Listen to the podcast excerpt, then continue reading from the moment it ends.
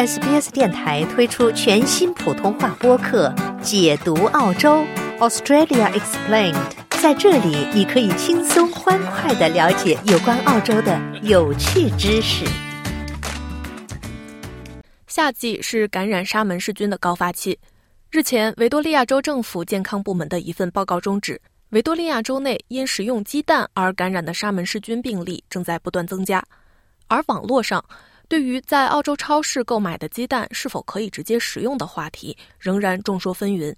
虽然根据官方文件显示，在澳洲所出售的所有蛋制品都必须经过巴氏灭菌或热处理，但食品科学系副教授赵健博士表示，对鸡蛋进行巴氏灭菌很难，生食鸡蛋的风险很高。总体而言，他不建议人们生食任何食物，尤其是对于体质较弱的老人、小孩和孕妇来说。接下来，请收听采访。澳洲超市买到的鸡蛋是不可以生食的，是吗？当然，就是说，并没有说要求说不能生食，但是作为我们从事这个食品食品安全的这些工作者来说呢，我们建议不要生食呃鸡蛋，因为在所有的这些呃食品安全这个疾病的报告里面，鸡蛋都是非常重要的一个致病源，不光是这个鸡蛋壳上。啊，可能还会有这个呃致病菌。有的时候，因为研究已经发现，就是说，其实鸡蛋内部啊有些致病菌，其实在它鸡蛋形成的过程中都已经进到了去了。当然，这个并不是很普遍的，但是至少有一部分鸡蛋它里边这个致病菌，比如沙门氏呃等等。所以说，我们强烈不建议生食鸡蛋。嗯，您刚才提到生吃鸡蛋可能会导致什么样的疾病呢？当然由这个里面的致病点来决定的，有可能比较简、比较这个轻的，可能就会有腹泻呀，或者是那个呕吐啊，就是常见的肠道呃肠道疾病。当然还有更严重的，比如说里面如果有伤寒、伤门氏菌的话，那么还是能够呃导致非常严重的疾病的。尤其对这个身体不太好的或者老人或者小孩，这都可能会孕妇，会造成非常严重的后果。所以我们强烈不建议食用这个生鸡蛋。嗯，那我们其实知道啊，在这个尤其日料或者说可能西式的一些早餐 brunch 上面，我们也可以看到有一些是流心儿的鸡蛋，或者说这个日料里面完全就是生鸡蛋。那为什么这样的鸡蛋是可以食用的呢？当然不是说你即使食了这个生鸡蛋，不说你一定会有呃会治病，就是说只能说导致疾病的几率会增加。那么日料它是它喜欢食用的生东西。但是呢，就是说，第一就保证它非常干净；第二呢，就是说，呃，由于食用日料而导致疾病的呃报告呢，也是没有断过的，层出不穷的。就是说，很多这个鸡蛋啊、海鲜、牛肉，它经过巴氏灭菌法之后就可以生吃，这个理论是不是不是非常的站得住脚？这个理论是对的，就是说，啊，当然这个呃鸡蛋的这个巴氏灭菌并不是太容易啊，当然不是完全做不到，但是就是说。你可能要非常在温度相对来说不太高的情况下，因为你高的话，你超过六七十度的话，现在就开始凝开始凝固了嘛。嗯。所以你要低于温度，然后非常长的时间，你可能放几好几天保持这个温度，才能够做到这种巴氏灭菌的效果。对于这个肉呢，肉呢和或者海鲜呢，尤其牛肉啊，它这个耐热程度还是比较高的。就是说，这种现在低温巴氏灭菌啊，来这个。增加它的安全性，这个已经在食品界长期使用的了，这个是可以的。嗯，您刚才提到六七十度等鸡蛋凝固住，这样子是比较保险的。那是不是说在早早餐的时候，我们说这个 punch 的流心鸡蛋，其实也是有这个呃生吃鸡蛋带来的对身体的影响？如果如果你仅仅有一点点的加热啊，如果只要有加热的话，能够达到六十度以上的加热，它都会对这个。病菌呢有一定的这个啊杀死作用，这样的话呢，你的安全性就会提高一些。当然，如果你说，比如说呃，健康房里边那个流心的，它里边可能那个没有那么高，那么呢，它里面安全性就会低一点。但是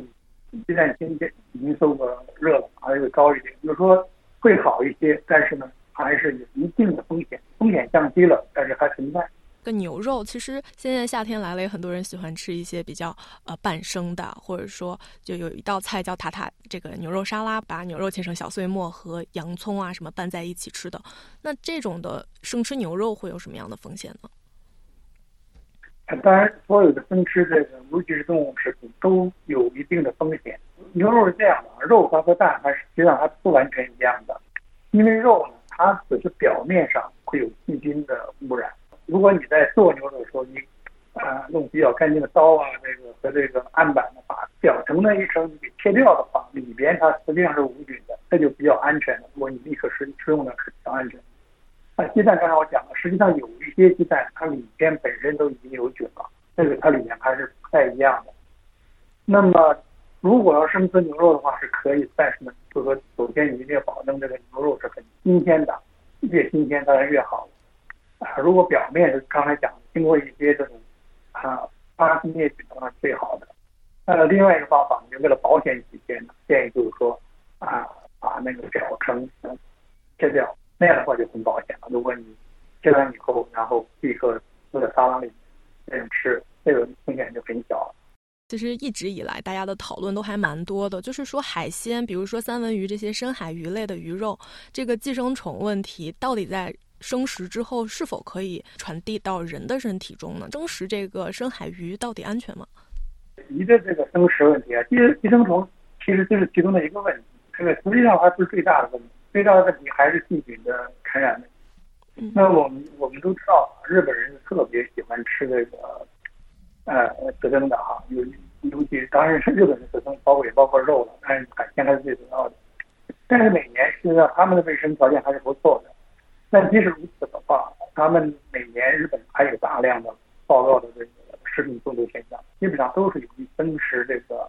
啊海鲜，然后呢由细菌造成的，而由这个寄生虫造成的呃疾病的报道实际上相对非常少的。所以我们更应该更加应该引起重视的。不是寄生虫，而是这个呃细菌，因为有一些菌它是在海，它是在这个海里面是存在的，非常容易感感染。嗯，那您可不可以总结一下，通过什么样的方式可以消除细菌呢？就是说，当然还是加热最好的方法了。即使轻微的加热，就是表皮加热，都是会非常非常有效的。那么在这里呢，我还想特别的提醒一下咱们听众。尤其是这个老人呢，看年呃婴儿或者是这个孕妇或者就是身体有其他疾病的，尽量不要生食啊任何食物，因为刚才讲了这个风险呢，可能对一些很多这个致病菌呢，它对这个健康的年轻人造成的损害是不是很大的，往往就是刚才讲的一些肠道的一些疾病，然后几天一星期就好了，啊拉肚子或者是手术、头疼之类的腹痛。然后，对于这些相对来说身体比较弱的，那么他们，他能造成的伤害是非常可以非常大的，所以提醒提醒大家所以。非常感谢赵教授今天的分享，非常高兴。喜欢、分享、评论，欢迎您在 Facebook 上关注 SBS 普通话页面。